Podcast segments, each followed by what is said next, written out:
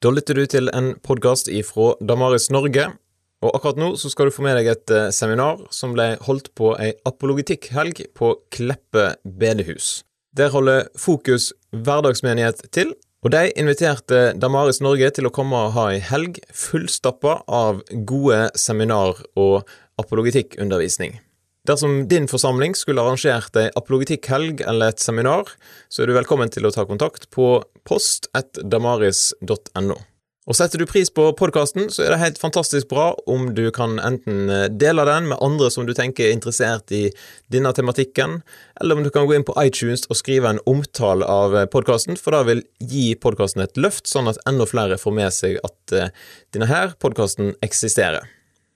Jeg eh, skal nå dele noen tanker med dere om et område som jeg i grunnen har jobba mest med de siste tre-fire årene. Eh, og er et veldig interessant område som dreier seg om hele spørsmålet om hvordan skal vi forstå kosmos og kosmos sin opprinnelse og opphav. Og det større spørsmålet er hvordan skal vi forstå relasjonen mellom kristen tro og naturvitenskap, Bibelen sine første kapitler, ikke minst. Og eh, hvis vi da bare begynner med å spørre oss eh, tre spørsmål. Det første spørsmålet er da hva vet egentlig vitenskapen om universets begynnelse? Eh, og det er slik å forstå at standardteorien i dag er den såkalte Big Bang-teorien. Altså at it all started with a bang, for å, og ikke ended, sant, som jeg sa. Men hvordan fortolkes så dette ut fra ulike livssyn?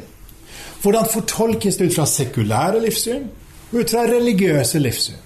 Hvordan fortolkes det ut fra kristen tro, islam, jødedom osv.? Nå kan vi ikke gå inn på alt det, men det store spørsmålet for oss i dag blir da dersom denne teorien er riktig, støtter det ateisme, altså sekulær forståelse, eller støtter det kristen tro? Og Da må vi jo begynne med det som jeg da ikke er en ekspert på, men som jeg har lært meg litt mer i det siste på, nemlig spørsmålet hva er da Big Bang-teorien? Og da har jeg tatt Store norske leksikon, som ikke er ufeilbarlig, men det er dog en god kilde.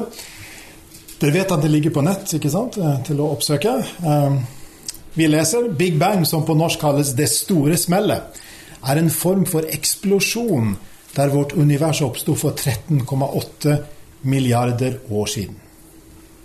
Ordet eksplosjon har en helt spesiell betydning i denne sammenhengen. Det er snakk om en rask ekspansjon som skjedde overalt i hele rommet. Tid, rom og materie oppsto i Big Bang-hendelsen, og rommet har siden utvidet seg. Wow!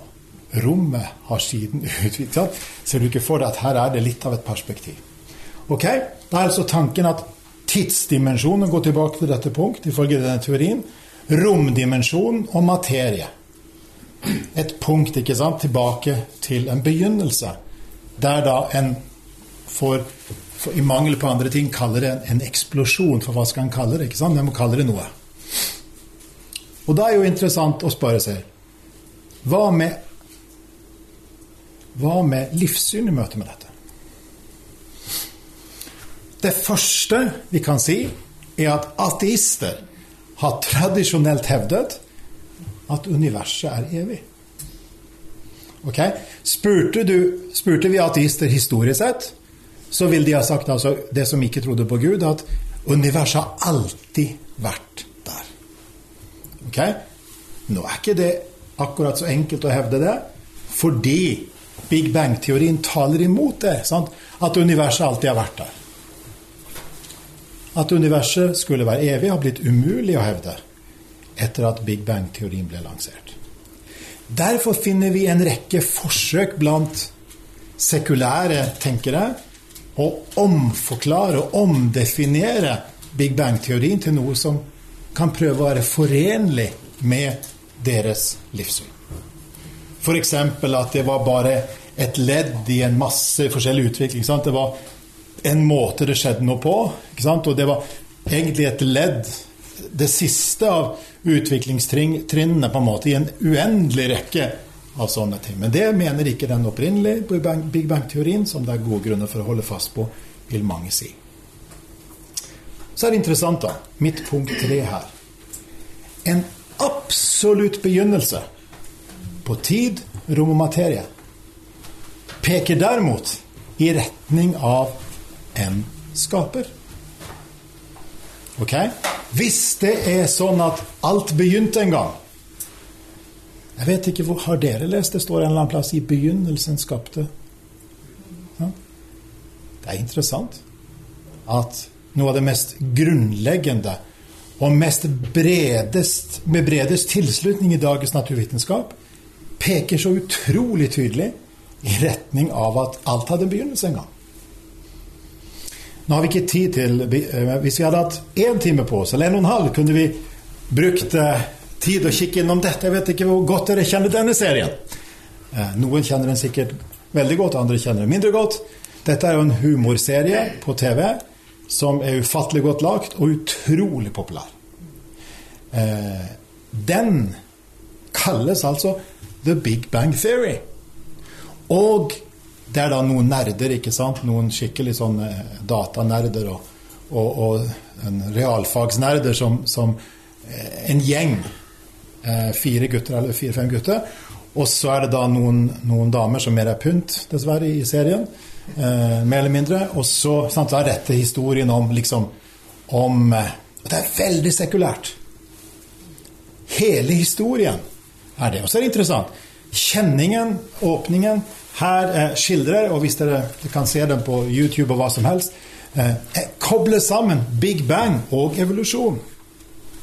Men evolusjon er et annet type spørsmål. Det er spørsmål om livets utvikling, ikke om universets begynnelse. Okay? Så vi er klar over det at vi snakker ikke om evolusjon i dag, det er et helt annet spørsmål. Men vi snakker om kosmos sin begynnelse.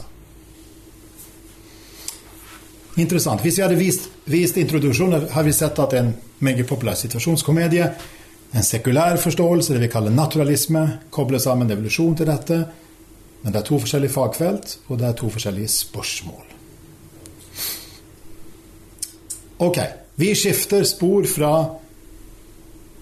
The Big Bang Theory-serien til den fremste kristne apologeten, trosforsvareren, som i dag bruker Big Bang-teorien, nemlig William Lane eller Bill Craig. Han har, han har eh, vekket til live igjen et gammelt argument fra, eh, fra eh, middelalderen. Egentlig fra islam i middelalderen. For islam tror også på en skaper, som vi vet. Og så sier han det. Det er tre ledd. Alt som begynner å eksistere, har en årsak. Altså ikke alt som eksisterer, har en årsak, men alt som begynner å eksistere. Sammenligning sant, høna og egget. Alt som begynner å eksistere, har en årsak. For det andre universet begynte å eksistere, sammenlignet Big Bang osv. Universet har en årsak. Og hvis dette er såkalt en sånn, sånn logisk bevisføring, som forutsetter at én og to er sanne Hvis én og to er sanne, så er per definisjon tre må være konklusjonen. Og da er jo spørsmål er, det, er premiss, eller forutsetning nummer én sann, og er forutsetning nummer to sann. Forutsetning nummer én synes å være selvinnlysende. At alt som begynner å eksistere altså Plutselig skjer det ikke noe her inne sånn uten at det er en eller annen sant? Eh, hvis noen av dere får den i hodet, er det fordi jeg kaster den i hodet. Sant? Det begynner å skje noe. Det begynner å eksistere. Eh, det store spørsmålet er jo punkt to. da, sant? Universet begynte å eksistere. Og Der kan det synes sånn at naturvitenskapen, pluss også matematikk, at uendelighet i virkelighet er en umulighet. Altså uendelig tid i vår forstand er en umulighet. Husk at det vi som kristne tror på, det er ikke at tida er uendelig, men at Gud har eksistert fra evig. Og skapte en gang tida. Gud skapte ikke bare universet, han skapte også sant? rommet han skapte også tiden. Han skapte historien. Dermed er Gud høyst relevant. Så kom jeg borti en veldig interessant person som intervjues i en bok. nemlig en partikkelfysiker. Og nå beveger jeg meg langt utenfor mitt primærområde, men det er interessant å se på hva han sier. Han sier at dersom du starter med Big Bang, og målet er å skape et solsystem som vårt, så må du faktisk gå gjennom to tidligere generasjoner med stjerner. Okay? For å skape dagens solsystem så må du ha tre generasjoner med stjerner. Og den første, eh, den generasjonen stjerner, der har du en del eh, av eh, det, grunnstoffene på plass. Sant? Men eh, det mangler en rekke ting, og dere ser hva som er nevnt. Oksygen, f.eks. Nitrogen. Eh, sen har du den andre generasjonen stjerner, som formes av resten av den første. Og så brennes de opp, og så kommer vår sol og skapes ut fra den som skjer etter andre generasjon stjerner. Og denne generasjonen med stjerner er den første muligheten for å kunne skape et solsystem som vårt. Jeg må si første gang jeg leste dette, tenkte jeg wow. Kreves det altså så kompliserte prosesser for å skape et solsystem som vårt? Vi vet at vi lever i en privilegert situasjon. Så langt vi vet, er vi den eneste planet der en kan leve. Sant? Jorda er akkurat riktig avstand fra sol, måne osv. til at vi kan ha en, en, et tilstand her som gir mulighet for liv. Da kreves det altså to generasjoner stjerner. Det tar ni billioner, ni milliarder, er da, ni milliarder år ikke sant, for å skape et solsystem som vårt. Og da er det omtrent da når vårt ble forma, 4,5 milliarder år siden.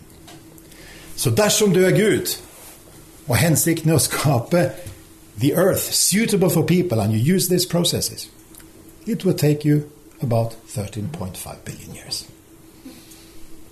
Partikkelfysiker som har forska på det øverste nivået i verden eh, i forhold til disse her berømmelige prosessene med, med partikkelfysikk. Ok.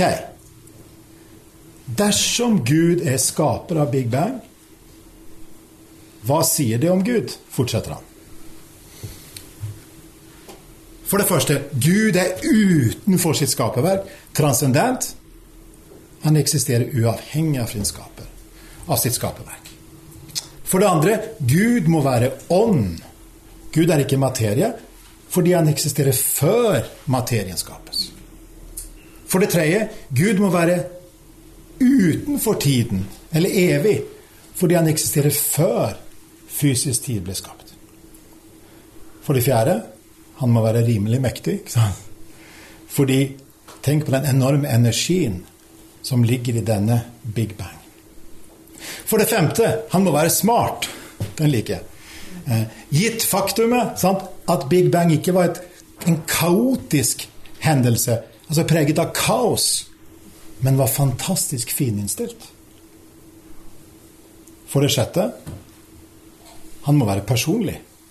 For han måtte ta en avgjørelse om å skape. For det sjuende han må være kreativ, skapende. Tenk bare på universets alle underverk. Og for det åttende han må være omsorgsfull. Fordi han skaper en habitat, sant? en omgivelse, som vi kan leve i. Jeg må innrømme, når jeg leste dette, tenker jeg dette er som å lese Salmenes bok. Bare i et litt annet språk. Dette er lovsang i eh, sånn eh, faglig termologi, ikke sant? Eh, tenkte jeg når jeg leste det. Kanskje ikke dere syns dette var lovsang, jeg syns det. Og så er spørsmålet hva betyr dette? Jo, det gir mening å tro på Gud som universets skaper. Som kristne har vi mye større frimodighet i møte med Big Bang-teorien enn en ateist. Fordi en ateist må parkere den. ikke sant? Må bortforklare den fordi det gir ikke mening i møte med den å tro på, egentlig på, på, på at det ikke finnes noen skaper. Og hvis vi har det på plass, hvis Gud er universets skaper, ja, da kan Han sende sin sønn. Da er jomfrufødselen ingenting. sant? mektig nok eh, til å gjøre det, da er oppstandelsen ikke umulig å tenke seg. Husk at når Nytestamentet snakker om oppstandelse, snakker om at Gud oppreiste han. Det står nesten aldri at Jesus sto opp. Okay? Gud oppreiste sin sønn fra det døde. Og Da gir det mening å også tro på Jesus som Herre og Frelser i et slikt univers. Så er det det store spørsmålet. Hva med første Mosebok oppi dette her? Hvis vi går tilbake til denne forklaringen her. Hva med første Mosebok? Det er beskrevet nå. Det forutsetter at universum begynte for over 30, 30 milliarder år siden. ikke sant? Og så har vi første Mosebok, som beskriver seks skaperdager og en syvende hviledag. Og Nå har ikke jeg forberedt en, en, en, powerpoint på det, men jeg har lyst til å dele litt muntlig. Kan vi heller bruke litt tid på samtale etter, tenker jeg på. For Her er det mange ting som kan være godt å snakke om i samtales form, mer enn bare i monologens form. Ok. Første Mosebok. Husk at Første Mosebok ble skrevet for lenge siden. Jeg har ikke noe problem med å tenke meg at det var Moses som skrev Første Mosebok, f.eks. Og da må det ha skrevet slik at det fungerte godt der og da, og i hver generasjon etter det, uavhengig av hvilken vitenskapelig kunnskap en hadde. Budskapet er ikke avhengig av graden av vitenskapelig kunnskap. Okay? Det er Guds ord til den første generasjonen, la oss si at det var Moses sin generasjon, og så alle etter det, inkludert oss i dag. Så kunnskapen der er ikke en slags skjult naturvitenskap som gir oss noen hemmelige koder som vi plutselig kan avdekke i dag. Det tror jeg blir galt å lese Bibelen på den måten. Bibelen er ikke en hemmelig skrift som bare som krever en kode som liksom skal avdekkes, men det er Guds åpenbaring til oss. Hvis du tenker at fem, de fem Mosebøkene er historien om utvelgelsen av Abraham og fremover, ikke sant? så, så fins det elleve kapitler før det som gir på en måte en prolog, et forord, til historien om Israel. Og det forordet er historien om Gud som skaper. Og da ligner det en del på de omkringliggende eh, omkringliggende eh, kulturene sine fortellinger. Både i form av skapelse og delvis syndefall, selv om ikke det er så vanlig rundt forbi. Eh, men særlig da i form av syndefloden sant, finner vi igjen i en del andre fortellinger. Kan det tenkes at Gud da har åpenbart noe for Moses som skulle hjelpe de å orientere seg i sin samtid, i møte med de alternative synene?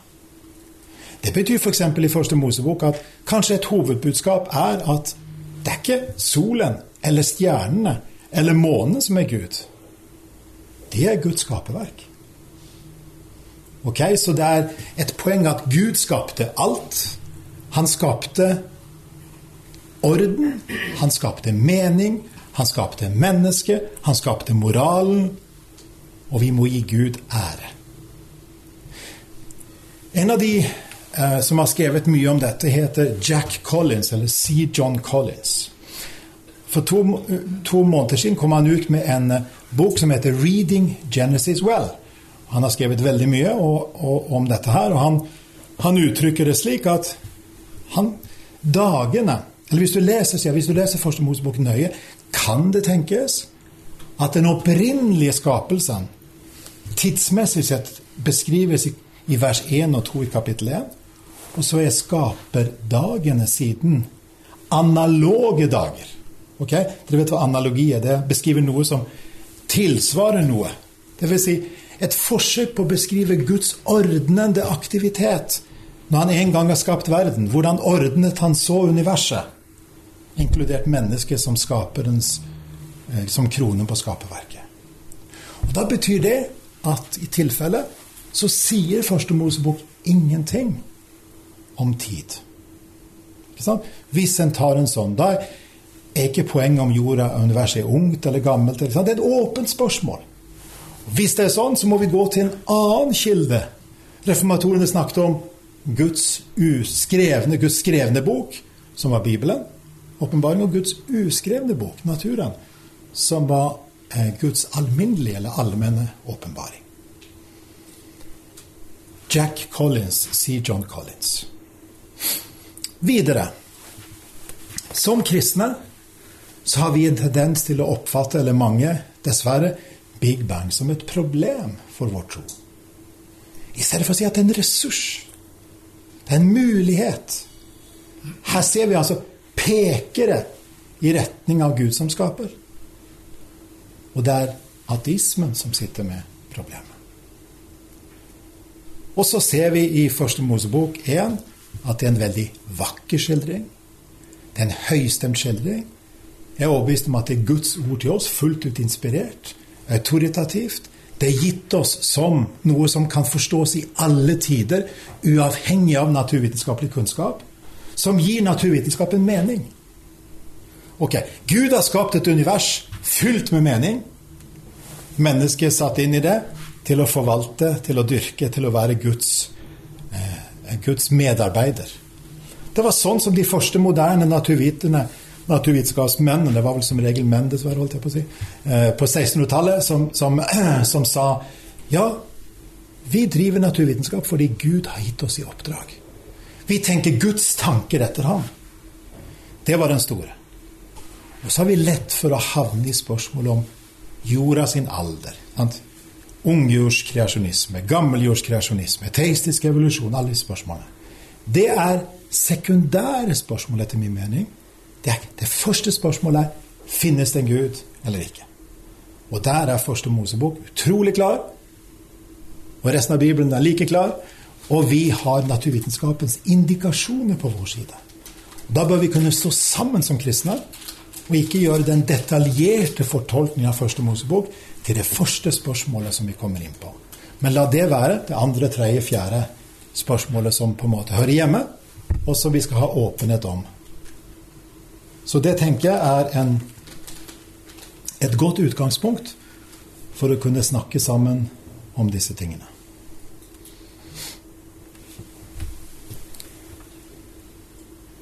Jeg tenkte vi skulle ha en liten endring på programmet, og dere har hatt mye i dag. Mange av dere at vi nå kunne ha en liten samtale heller om det. For her er det så mange ting som folk eh, tradisjonelt Eller det har min erfaring at det er mange ting som en kan lure på. Og det er ikke sikkert dere er enig med det jeg har sagt, så da kan vi ta en samtale om det òg. Eh, og så kan vi ha en liten refleksjon sammen rundt disse tingene. Så eh, La meg bare avrunde med hebreere 11.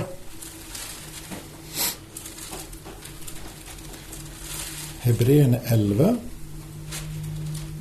Det er da en skulle hatt eh, vanlig bibel. En skal finne dette foran folk. Eh, husker dere formuleringen der?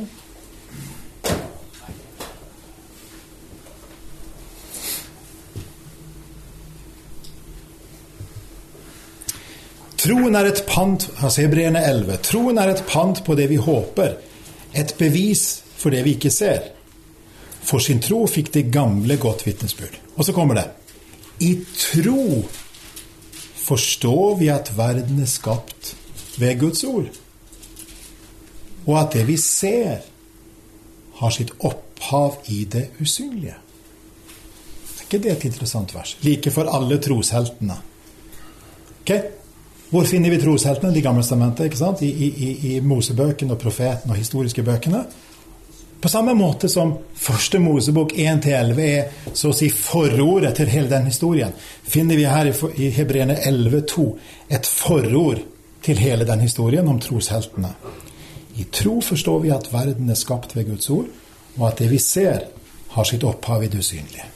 Jeg ser for meg at eh, det finnes x antall livssyn, sant? som er som briller som gis oss.